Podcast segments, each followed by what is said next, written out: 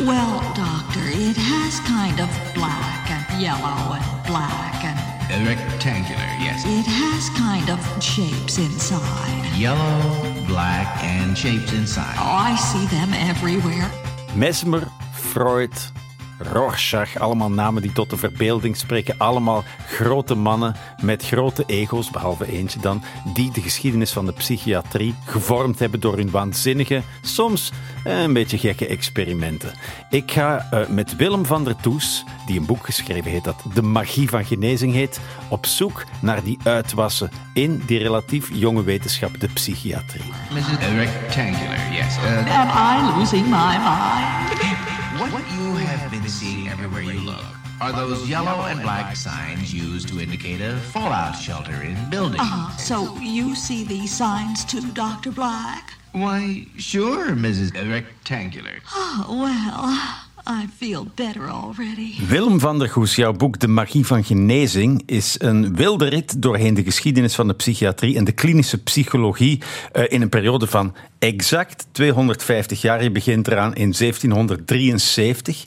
En je schrijft ook eigenlijk al redelijk snel in je boek van ja, dit is een beetje een pleidooi voor niet al te radicale psychiatrie. Ja.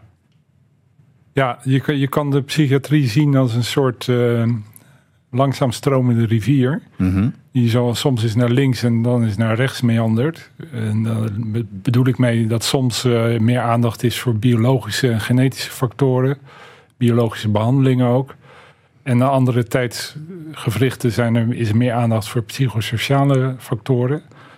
En allebei kan doorschieten en dat gebeurt ook geregeld. De, de meeste behandelaars die begeven zich wel ergens in het midden van de rivier, maar er gebeurt toch ook wel overstromingen af en toe. Zou je ook kunnen zeggen dat het zonder de overstromingen minder snel of minder goed vooruit zou kunnen gaan? Nee, ik denk dat we het prima zonder kunnen. Oké, dus, dus, maar ja, Maar eh, een beetje heen en weer is, is wel normaal. ja, eh, ja, ja. Maar ja, wij, je hebt het in je boek over die uitwassen, over die, die, Ja, het zijn 14 bedrijfsongevallen eigenlijk. Ja. ja. die op het moment eh, heel zinnig leken. ja. Ja. ja. Oké. Ja, het zijn, het zijn de raarste behandelingen, maar eh, de- dus als je er met de afstand van 100 of 250 jaar naar kijkt, dan denk je, hoe kunnen ze het geloven? Maar het werkte op dat moment. Mhm. Ja, en zij stonden er middenin, dus ze hadden helemaal niet die mogelijkheid om achterom te kijken. ja. En nou het ja, leek- het, paste, het paste vaak in de tijdgeest ook. Dus het begint met eh, Mesmer, Ja, met, met- die aanvankelijk magneten gebruikt en vervolgens concludeert dat hij ze niet nodig heeft en dat hij dus een persoonlijk magnetisme ja, ja want heeft- oké, we moeten Ja. niet zo snel gaan, want dat is Oh, een fantastisch geval. Hè. In 1973 wordt dus die mesmer inderdaad eh, geconsulteerd door een jonge vrouw. Die aan, 1773. Ja, eh, 1773, wat zei ik? 19. Helemaal fout. Dat is 200 jaar eerder. Eh, eh, die leidt aan eh, pijnklachten, koortsbraken, verlammingsverschijnselen. Wat waren de gangbare oplossingen voor dat soort klachten toen? Oh, er was eigenlijk niks. De aderlaten, eh, purgeren. Ja. Eh, vrij eh, gevaarlijke behandelingen eigenlijk. Ja, die ook voor alles wel eh Ja, voor, ja, werden. voor, alles inzetbaar. Ja. ja, Dat was wel weer een voordeel. ja, eh, de dokter was toen vaak eh, erger dan de kwaal. Ja. Ja, Ja. de behandeling was erger. Nu, die mesmer, wat, wat, wat, wat, wat deed hij? Want je had het over magneten. Hoe Ja. kwam die daarbij? Ehm, nou, het, hij was een, een echte dokter, ge- opgeleid in Wenen. En in die tijd was, waren de magneten nog niet zo lang commercieel beschikbaar gekomen. Dus het, het was, iets relatief nieuws. En er waren allerlei ideeën over de, dat gezondheid en ziekte verband houdt met ehm, eh, de balans van li- lichaamssappen. En, eh, Er waren er vier, hè? ja. Ja. En eh, dus, dus hij, hij dacht dat dat. Er was een Engelsman die had bedacht dat dat misschien wel net als de, de, de zee onder, of de, onder invloed staat van de get- getijden. Mhm. Eh, dus ja, die magneten kwamen beschikbaar en dan ga je eens proberen of Ja. het ergens voor werkt. Niet zo gek, want, Nee. want, want de getijden zijn inderdaad een soort... eh, de zee gaat op en neer naar gelang de aantrekkingskracht Ja, van de maan, precies. geloof ik. Ja. Of, of hoe ver de maan is. Ja, zijn- vakgenoten die, die geloofden er niet in, maar publiek wel. Ja, Ja. ja. En, en dat was bij hem ook een heel belangrijke factor. Hè. Zijn, zijn beweringen waren ontzettend ja, aannemelijk en dus populair. Ja, ja. Mensen waren echt, echt, echt fan. eh, eh, maar aan de universiteit vonden ze het niks. Hè? Nee, nee. Hij, eh, hij was dus wel universitair opgeleid, maar hij heeft erg geprobeerd om erkenning te krijgen voor zijn be- behandeling. Maar de, de universiteit vond het geen onderzoek waardig, zag het als kwakzalverij. Eh, toen, toen ontstond er een schandaaltje over, eh, over een patiënt die eh, gelieerd was aan de dochter van de, van, van de keizerin. Dus dat was een schandaal. Moest hij Wenen verlaten. En toen herhaalde de geschiedenis zich in Frankrijk, in Parijs. Waar die ook eh, ja, niet aanvaard werd door zijn vakgenoten, maar wel eh, een enorme aantrekkingskracht op patiënten uitoefende. Dus iedereen- Onder andere Marie-Antoinette eh, was een ja, klant. ja, ja. Hè? Ja. Ja, en toen heeft de, de koning van Frankrijk alsnog een onderzoek verordend. Mhm. En dat is gebeurd eh, door be- beroemde onderzoekers. En die hebben eigenlijk een fantastisch onderzoek gedaan. Want die dachten van ja, dit is zo'n populair, ehm, eh, populaire nieuwe behandeling. Mensen die willen dit. En die, je kan dus nooit eh, eh, een goede controlebehandeling bedenken. ja. Dus ze hebben bedacht, we gaan kijken of we het mechanisme kunnen blootleggen. En ze hebben toen uit, ontdekt dat, dat magnetisme helemaal niet nodig was om de crisis op te wekken die Mesmer eh, opwerkte. Dus als mensen dachten dat er magnetisme gaande was, dan gebeur, kwam Gingen ze er helemaal los, ja. respons. Ja. Als ze het niet in de gaten hadden, dat, eh, dan gebeurde er helemaal niks. Mhm. Dus daar hebben ze een, eh, een mooie serie experimenten mee gedaan. En geconcludeerd, het is allemaal inbeelding, im- imaginatie of imitatie. En eh, dat is eigenlijk een hele moderne conclusie. En een, een, een, een, een, een soort, hoe heet het, placebo. Ja, ze hebben eigenlijk een, een verklaring gevonden voor die, die, die zegt, ja, het, het, het is eigenlijk een soort groot placebo-effect. En dat zie je dus, Tamelijk met- vaak. dat, dat zie je elke keer. Ja. De, beste behandeling is de nieuwste behandeling.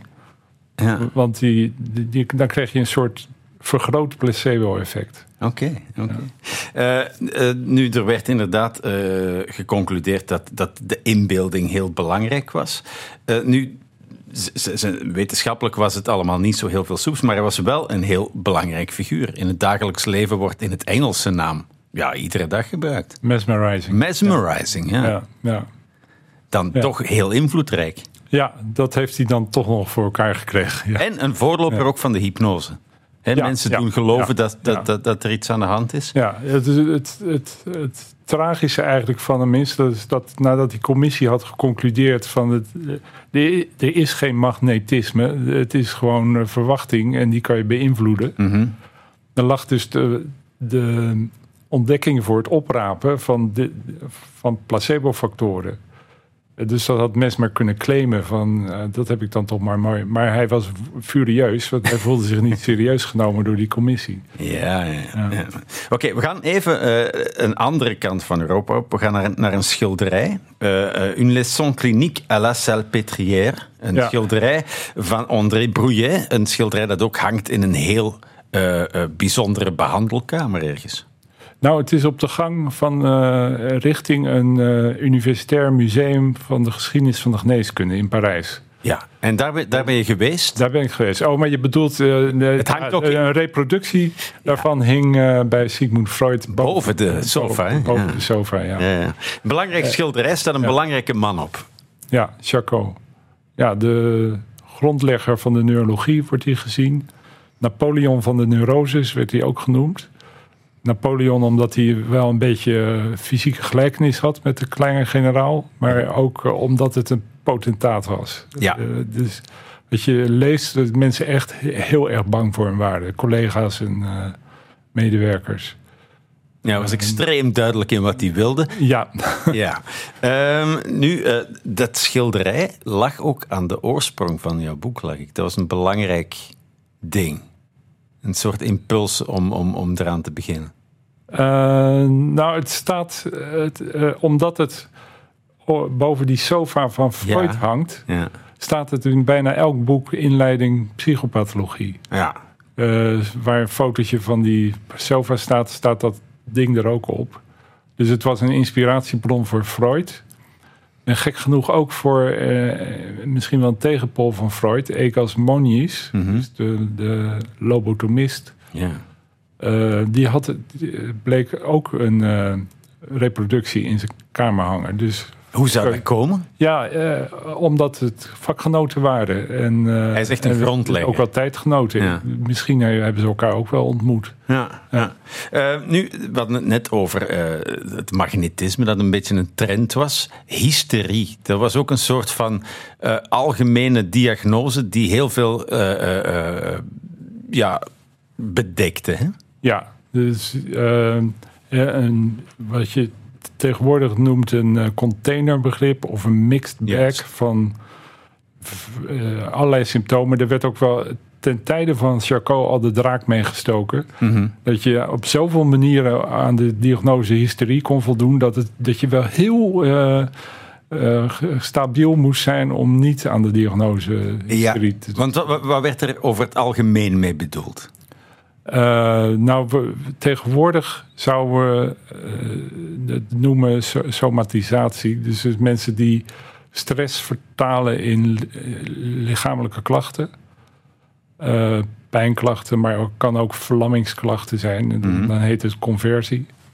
Dus een verlamming zonder duidelijke fysieke organische oorzaak. Meestal te maken met overbelasting en te veel stress. Ehm, dat, is wat we meestal nu mee bedoelen. Ja. Ja. En, maar toen was iemand die als hysterisch gediagnosticeerd werd, wat moet ik me daar dan bij Ja, daar, daar kwamen. eh, Voornamelijk vrouwen ook, hè? waar- ja, nou, Charcot had goed gezien dat het ook bij mannen voor kon komen. Het was wat zeldzamer, maar hij dacht dat dat ook bij mannen voorkwam. Ehm, en eh, eh, hij had eh, een viertal stadia beschreven, Mhm. die, waarin eh, eh, hysterie zich ontwikkelde. Dat, dat ging van, eh, eh, eh, van, allerlei lichamelijke verschijnselen, zoals verlammingen, tot, tot aan dat mensen in de meest vreemde houdingen eh, gingen, gingen staan. Een soort, eh, er was een, een term voor, heette arc-en-ciel. Ja, De er zijn tekeningen van, ja. Er zijn teken, daar- de tekening hing ook in, zijn- in zijn collegezaal. Dus in dat, dat, wat dat betreft ko- konden de patiënten die gedemonstreerd werden tijdens de colleges... konden eigenlijk precies zien wat er van hen verwacht werd. Ja, Dus het is een houding waarin mensen met de voeten en eh, achterhoofd nog de grond raken... en verder in een soort boog, gespannen boog ja staan. regenboog. Helemaal stijf van de, van de, van de zenuwen dus. Ehm, en dat was nog maar fase 2. Oh, oké. ja. En eh, wat- ja, wat was dan de behandeling? De behandeling, eh, de, wa- ja, er was eigenlijk geen echte behandeling. Hij, kon, hij gebruikte hypnose, maar niet als behandelmethode, maar wel om de stadia eh, naar be- believen op te roepen en weer te beëindigen. Eh, de behandeling was eh, op- ja, opname en wachten tot het weer wat beter ging. Waren er ook niet zo ijsbaden en dat soort Oh eh, ja, oplossingen? ja, ja oké. Dat- dat- dat- Dat, dat is, maar dat is ook voor alles goed, hè? Ja, dus, dus het werd niet echt als oorzakelijk behandeling gezien. Oh, meer om oké. mensen rustig te krijgen. Oh, oké. Ja. Eh, was er in die tijd ook een stigma op hysterie of was dat heel, eh, een soort heel gewoon eh, aandoening? Nou, er was natuurlijk het stigma op, op men- mentale gezondheid, eh, psychische problemen, was sowieso natuurlijk veel groter dan het nu is. Mhm. Dus eh, ehm, ja. Maar mensen kwamen, kwamen- mensen kwamen ook echt kijken Ja. naar de behandeling. Ja, de ontsporing is dat, eh, dat eh Charcot gaf demonstratiecolleges. Daar, eh, daarin eh, wilde hij dus laten zien de stadia van, van eh, hysterie. Hij liet de hypnose over aan zijn assistenten. Dus die, die soort voorbehandeling van de demonstratiepatiënten. En die zorgde wel dat ze met, met zo'n tyrannieke baas... Dat, dat, dat die patiënten deden wat, ze, wat ja. van ze verwacht werd. Dus die werden gewoon ingefluisterd. Ah ja. Of werd al geoefend dat, dat de demonstratie niet mislukte. Dat gaf Charcot eh, een zelfvertrouwen dat hij alles kon maken. En hij kon alles opwekken en weer beëindigen. Eh, dus ging hij zijn colleges eh, ja, in theaters geven. Dus Tout Paris kwam, kwam erop af. Het werd echt een, een show. Een avondje uit Ja, bij de dokter. Ja. Dus kun je, kun je zien wat, eh, wat er verbeterd is ook in de positie van psychiatrische patiënten. Dat dit soort dingen. Ja, dat is eigenlijk toch wel mensonterend. Ja, zeker. Er is, er is meer, meer privacy. Dat is zeker. Na de dood van Charcot eh, werd ook, eh, of, of nam, nam het aantal patiënten ook onmiddellijk af. Hè? Ja, zijn opvolger geloofde er niet in.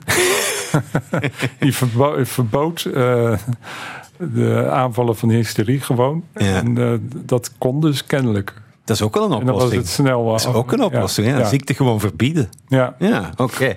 Willem van der Does, jouw boek is eh, een, een, een opsomming van de meest waanzinnige behandelingen van geestesziekten. De meeste eh, van, van die behandelaars zijn ook uitgesproken persoonlijkheden, een beetje ja. ego's ook. Eh, eentje valt er een beetje tussenuit. ja. Rorschach. Rorschach, ja, die kennen we van de test. Ja, twee inktvlekken. Of Ja. schijnbaar twee inktvlekken, want ik las dat het niet zomaar inktvlekken Nee, hij, eh, zijn vader was een kunstschilder en hij was zelf ook eh, artistiek wel begaafd. En een verwoed eh, amateurschilder. Dus hij had ze zorgvuldig zelf ontworpen, die schijnbare inktvlekken. Het waren tien platen. Mhm. En ehm, eh, hij, had, hij had het idee dat is een waarnemingstest. Het, het zegt iets over hoe mensen de wereld waarnemen. De interpretatie ervan. Ja, Ja. ja. Eh, nou, niet, niet, niet eens zozeer wat ze zeggen, maar hoe, hoe ze die vlek gebruiken. Of ze kijken naar die hele vlek of een klein detail daarvan. Mhm. Of, of het, eh, de kleurverschillen die in de vlek zitten. Daar had hij eh, allerlei een heel scoringssysteem van. Die test ehm, maar, eh, het bestaat nog steeds, maar ik had een heel stoffige indruk van. Dus echt iets wat eigenlijk in het museum thuis hoort. Maar hij is En- ontzettend lang gebruikt geweest. Hè? Eh, Nou, nog steeds. ja. Maar in zo rond 2010 was er, was er een groot artikel in Scientific American. Mhm. Dus een wetenschappelijk tijdschrift, maar ook voor het grote publiek. Die zei van, we moeten nou echt stoppen met die, die Rorschach-test, want het, is, het gaat helemaal nergens over. Dus het was voor mij het verrassendste hoofdstuk, omdat het een heel ander type is dan al die anderen. Mhm. Eh, namelijk een hele bescheiden, harde werker. Eh, eh, komt er echt naar voren als een, een leuke vent. Ja. En eh, echt hard voor zijn patiënten. Ehm, maar hij is heel jong gestorven en vervolgens zijn mensen aan de haal gegaan met die test. ja. Dus en die de- test is heel ruim te interpreteren. Ja, dus je kan, eh, je kan ook eh, je eigen scoringssysteem erop loslaten. En dat is nogal gebruikt in settings waar die helemaal niet voor bedoeld waren. Bij voogdijkwesties, in strafrecht of bij personeelsselectie. Eh, en er zijn dus beslissingen genomen op basis van... eh, ja, niks eigenlijk. Ja. Ja, dus daar heeft die test ook een slechte naam van gekregen. Dus ik, ik vond het verrassend om eh, me er nu in te verdiepen en te ontdekken dat, die, dat als je hem gebruikt zoals Rorschach het oorspronkelijk bedoeld had. En wat, dat- wil, wat wil de Rorschach precies bereiken met die Nou, test? hij Wat wilde die ontdekken? nou, hij zegt, eh, sommige, sommige antwoorden zeggen iets voor de gevoeligheid voor psychose. Oh ja. Dus er zijn eh, mensen die zijn. eh, de psychose ligt ook op een continuum. Dat, sommige mensen zijn heel duidelijk psychotisch. Maar sommige mensen hebben, de, de aan, hebben wel de aanleg, maar komt nooit echt tot ontwikkeling. Mhm. Ehm, en die, die, die kun je traceren met die test. Die kunnen soms eh, een heel coherente indruk ophouden in allerlei andere tests en in interviews Ja. met pen en papier. En, eh, en hier eh, slaan ze dicht. Ja. Of, of komt er, komen er hele bizarre antwoorden. En, dus dat, dat, en die bevinding die, die, is eigenlijk wel gerehabiliteerd. Oké, Dus dat- dat- dus dat- daarvoor is het daar best is- geschikt. Ja, daardoor is hij, daar, ja, daarvoor is hij wel geschikt. Oké, dus we moeten de kaartenset Nee. nog niet weggooien. Nee, nou ja, het- is wel niet de efficiëntste methode misschien om het. Om het maar het was toch leuk om dat te ontdekken. Ja, ja. Ja. Nu, zijn naam is al een paar keer gevallen en, en iedereen kent hem ook, maar we moeten het toch heel even hebben over, over, over Freud. Ja. Ja, ja. Ja, De grote schaduw. Ja, Freud is, was eigenlijk een te groot onderwerp. Dat is een, eh, boek onderwerp voor ja. een paar boeken. Ja. Dus ik eh, heb hem niet helemaal recht gedaan, maar ik heb hem ge- ge- als hoofdfiguur genomen al in wat heet, wat in de jaren negentig de geheugenoorlog eh, Ja. Heette. Mhm. Over eh, de waarachtigheid van hervonden herinneringen aan seksueel misbruik. ja, Of andere vormen van eh, kindermishandeling. ja. Dus eh, in de jaren negentig een tijdje gedacht dat, eh, dat, dat je de- dat soort herinneringen heel makkelijk kon verdringen. Mhm. Dus je, dis- de, de term was eigenlijk dissociatie. Dus dat je als, je als klein kind, als je dat onderging, dat dat, dat zo eh, verwarrend was of pijnlijk, dat je, eh, dat je als het ware, ware een soort out-of-body experience had. Ja. Dus dat noemen ze dan dissociatie. Mhm. En die eh geheugensporen die slaan dus eigenlijk ergens apart op. Daar kan je dan niet bewust bij, maar soms het beïnvloedt wel je gedrag. En Mhm. soms komen ze zomaar weer naar boven. ja. En eh, er is een tijd geweest in de jaren negentig dat mensen eh, actief op zoek zijn gegaan naar dat soort herinneringen. Met behulp van suggestieve technieken, zoals hypnose. Ja. Dat was vooral in Amerika en Nederland. Nou, ja, Nederland en Amerika waren de voortrekkers, ja. Maar het is overal ge- gebeurd. Ja. Eh, en ehm, het punt is dat eh, dat is eigenlijk eh, een herhaling van het eh échec van Charcot. Van als je op zoek gaat naar iets, dat- dan impliceert het dat het er is. En dan gaan mensen Zich ernaar gedragen. naar gedragen Ja, ja. En, en, en herinneringen verkeerd plaatsen. In de, in de zin, ze hebben ooit eens een verhaal gelezen of, of Mhm. gehoord over. En dat plaatsen ze dan als een autobiografische herinnering. Ja. En dan, als je het dan herbeleeft, bij wijze van spreken, dan is het ineens heel overtuigend dat jou, jou dat is overkomen. Mhm. Nou, dat is een groot drama geworden, eh, omdat mensen eh, herinneringen aangepraat zijn. En er ook actie op ondernomen hebben. Dus die zijn, eh, er zijn gezinnen uit elkaar Ja. gerukt. Ja. Mensen aangeklaagd. Zelfs in de gevangenis ge- gesmeten. vanwege valse herinneringen. Ja. En ehm, het idee van verdringing van herinneringen ko- komt van Freud. Freud is ver daarvoor natuurlijk. Die was al lang dood. Dus die kan dit niet verweten worden. Maar het hele idee dat je herinneringen kan verdringen... Dat komt wel van hem, ja. komt van hem, ja. En nu, Freud was op een gegeven moment de figuur hè, waar, waar, die iedereen volgde.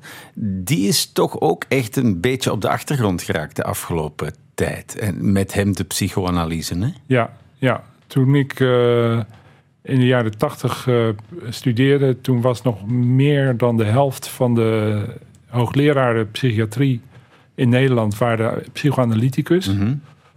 En dat betekent dat ze niet alleen geïnteresseerd waren in analyse, maar dat ze de hele opleiding hadden gedaan. En dat is nogal wat eh, in dat geval. De, een opleiding psychoanalyse is, is the- een theoretische opleiding plus het ondergaan van een analyse. Dat Eer- moet dan. eer- ja. Eerst een therapeutische analyse. Dat duurt dan bij zo'n hoogopgeleid iemand meestal één of twee jaar. Dus dat is vrij snel. Ja. Maar dan moet je nog vier, vijf jaar een, wat heet dan leeranalyse. Mhm. En dat betekent eh, dus op de sofa eh, vijf dagen per week, uur, Vijf dagen per week. elke dag. Ja. Ja. Eh, totdat de analyticus zegt van nou is het wel mooi. het Ja. is een soort open einde constructie. Ja. Ehm, En en wat, wat, wat maakte dat zo aantrekkelijk? Die psychoanalyse. Ja, eh, het heeft natuurlijk een diepzinnig eh, imago. Mhm. Het is duur. Eh, het is, je komt er niet zomaar in. Je moet, wordt eerst getest op analyseerbaarheid. Dus dat is een fijn stempel. Om, eh, je wilt niet graag als psycholoog of psychiater te horen krijgen... je bent niet analyseerbaar. Je Ja. bent gewoon te gestoord om... eh, Of te aan- simpel. aan- of te simpel Ja. om analyse te ondergaan. Ehm, dus, dus het werd iets aantrekkelijks. Mhm. En als je eenmaal een grote investering hebt gedaan, dan, dan krijg je een, zoiets dat heet cognitieve dissonantie. Dus dan wordt het heel moeilijk om te erkennen van nou, zo'n groot succes was het nou ook weer niet. Ja. ja. Ja. Daar gaan dan echt, Eh, ja. En de, de, de andere vormen van psychotherapie waren ook nog niet zo ontwikkeld. ja. Dus er was ook niet zoveel alternatief. Mhm. Heel vreemd hè, dat iets dat zo dominant is, dan ineens ook weer kan, kan wegglijden. Heel interessant. Ja. Ja, dat zie je. eh, Bij de meeste van deze dingen meeste, trouwens. ja. Oh, Eh, eh, de, de, de lobotomie hebt u het Ja. daar net ook al heel even Ja. over gehad. Een, een, een, een briljante Portugees. Nou, Nobelprijs, kom op. ja. ja, het is, het is wel ernstig. Dit is de ernstigste ontsporing. Ja. eh, die, de, waar je, waarvan je ook nu denkt van, nou, hoe is het mogelijk? Ehm, maar Lobotomie is voor alle duidelijkheid Ja. schedelboringen. Ja. eh, hij begon met schedelboringen en ehm, hij had een, op een neurologencongres een casus gezien van een chimpansee die eh, geopereerd was. Was de frontaalkwap doorgesneden van de, van de rest van de hersenen. En die was daar, eh, het beest was daarvoor heel agressief geweest. Die was daar helemaal rustig van geworden. En leek verder wel normaal. Ja. Dus dat was voldoende rechtvaardiging in 1935 om maar eens wat te proberen. En ehm, dus eh, thuis gekomen, dit was een neuroloog, dus die opereerde niet zelf. Vond hij een chirurg die bereid was om gaten te boren in het voorhoofd, de schedel. Mhm. En eh, aanvankelijk werkten ze met injecties met pure alcohol om weefsel te vernietigen. En eh, al gauw gingen ze over op het gebruik van een, wat ze noemden een leukotoom. Dus een soort mes, spatel, Mhm. die in die gaten ging. En er werd wat in geroerd en dat, dat was het. Ja. Ehm, Maar kreeg wel de De- Nobelprijs in, 19, in 1949 nog. ja, in 49. Op de valreep eigenlijk. Want eh, een paar jaar later kwamen de eerste effectieve medicaties op de markt. En toen was het vrij snel gedaan. Eh, toen was er ineens oog voor hoe gevaarlijk dit eigenlijk was. En hoeveel bijwerkingen. En hoe gering het effect eigenlijk. En waren die medicaties dan op een of andere manier gebaseerd? Een vervolg op Nee, die? Nee, nee, dat stond nee. er volledig los Me- van. medicatie waren puur toevalsontdekkingen. Ah, ja. van een medicament wat in de anesthesie werd gebruikt. En er was een eh, dokter die oplette en die zag dat ehm, eh, een psychiatrische patiënt die heeft natuurlijk ook wel eens een operatie nodig. Mhm. Eh, dat de wanen en hallucinaties eh, verbleekt waren na de operatie. En die dacht het zou best wel eens dat narcosemiddel kunnen zijn. ja. En dat was het begin. Ja. Ah, Dus het had niks met die lobotomieën te maken. nee. Nee. Dat was, Ja, aanvankelijk- want, die Nobelprijs, waarop was het dan gestoeld? Aanvankelijk werden die. eh, Het geloof dat het werkte, die lobotomieën, was zo groot. dat aanvankelijk die nieuwe pillen nog aangeprezen werden als chemical lobotomy. Ja. Het is echt. eh, eh, maar het effect, ja, het effect leek. eh, kijk, eh, het, het is, het is echt een ontsporing geweest, maar het is niet een geïsoleerd werkend iemand geweest. Eh, dus hij deed in zijn eentje met die chirurg een serie van 20 patiënten Mhm. in een paar maanden. Dus hij wachtte nauwelijks af hoe, hoe het echt aansloeg bij de e- eerste voordat hij aan de tweede begon. Ehm, en claimde dat eh, ongeveer een derde opknapte, gewoon genezen was. Een derde was sterk verbeterd en een derde onveranderd. Mhm. En vervolgens ehm, zijn, is, ja, zijn er op allerlei plekken in de wereld mensen opgesprongen en zijn het na gaan doen. En de een, en, eh, de, je moet wel bedenken in eind jaren 30 in psychiatrische inrichtingen, de, de- de toestanden waren natuurlijk Verschrikkelijk, ja, verschrikkelijk. ja, ja. waren overbevolkt. Er wa- was eigenlijk geen eh, be- behandeling mogelijk. Ja, die, die koude baden en dat, Ja. soort spanlakens eh, of, of barbituraten, dus sterk sederende middelen. Ja. Eh, maar er was eigenlijk niks en er was heel veel gestoord gedrag daardoor. Dus alles wat maar een beetje glimp van hoop gaf, dat werd geprobeerd. Ja, ja. En mensen werden er ongetwijfeld rustiger van. Dus dan lijkt het te werken. Ja. Ehm, ja. Oké. Nee, die, die, die verschrikkelijke toestanden in de, in de psychiatrie, eh, daar werd ook vanuit eh, eh, de wetenschap op gereageerd. Hè, met die stroming van de antipsychiatrie. Ja, Basalia, dokter, ja, ja, die zei van we moeten ze sluiten, die inrichtingen. ja, ja. Wel ook heel radicaal. Ja, die Basalia is, eh, die werkte in de begin jaren 60. Dan had hij tien jaar eh, universi- als universitair psychiater gewerkt, dus in vrij luxueuze omstandigheden. Eh, wa- wat ja, weinig inspirerend werk gedaan aan bijvoorbeeld aan de, aan de Rorschach-test, waar we het net over hadden. En in, eh, de, dus, maar die, hij zat op een doodlopend spoor universitair. Dus hij werd directeur van een eh, eh, psychiatrisch ziekenhuis. En dat bleek een totaal andere wereld te zijn. Daar was hij nog nooit gekomen. Maar hij zette een voet daar binnen en hij dacht terug aan, eh, aan de gevangenschap die hij had meegemaakt tijdens de Tweede Wereldoorlog. Ja, hij vergeleek Ja. eh, inrichtingen echt gewoon met concentratiekamp. Ja, ja. ja. En eh, hij had wel een puntje. Het is natuurlijk de intentie achter een inrichting of een concentratiekamp was wel totaal anders. Maar er was heel veel repressie en eh, eh, slechte omstandigheden. Dus hij heeft heel goed werk gedaan in, in het verbeteren van de levensomstandigheden van die patiënten. Ze veel meer als gelijken te behandelen.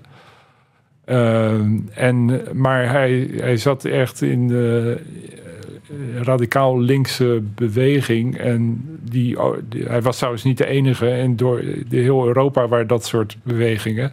Maar hij, hij ging wel het verste en hij heeft voor elkaar gekregen dat er een wet is aangenomen in Italië in 78 die eh, psychiatrische inrichtingen sluit. Ja. Allemaal. Ja. En ook wel acuut.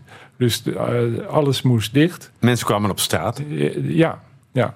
Nou, het, het is gefaseerd ingevoerd, maar eh, de, het idee was dat er therapeutische gemeenschappen voor in de plaats kwamen. Eh, en dat is soms gelukt en soms eh, gewoon niet goed aangepakt. Dus kwamen mensen op, op straat.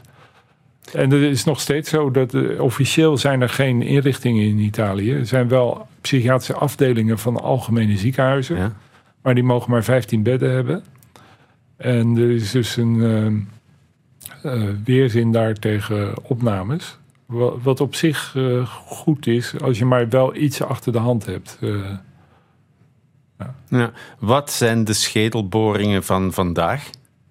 Ik bedoel, als, het is moeilijk omdat we erin zitten, maar zijn, zijn, zijn er praktijken die over pakweg 200 jaar bekeken kunnen worden van, hmm, vreemd, Nou, vreemd was dat.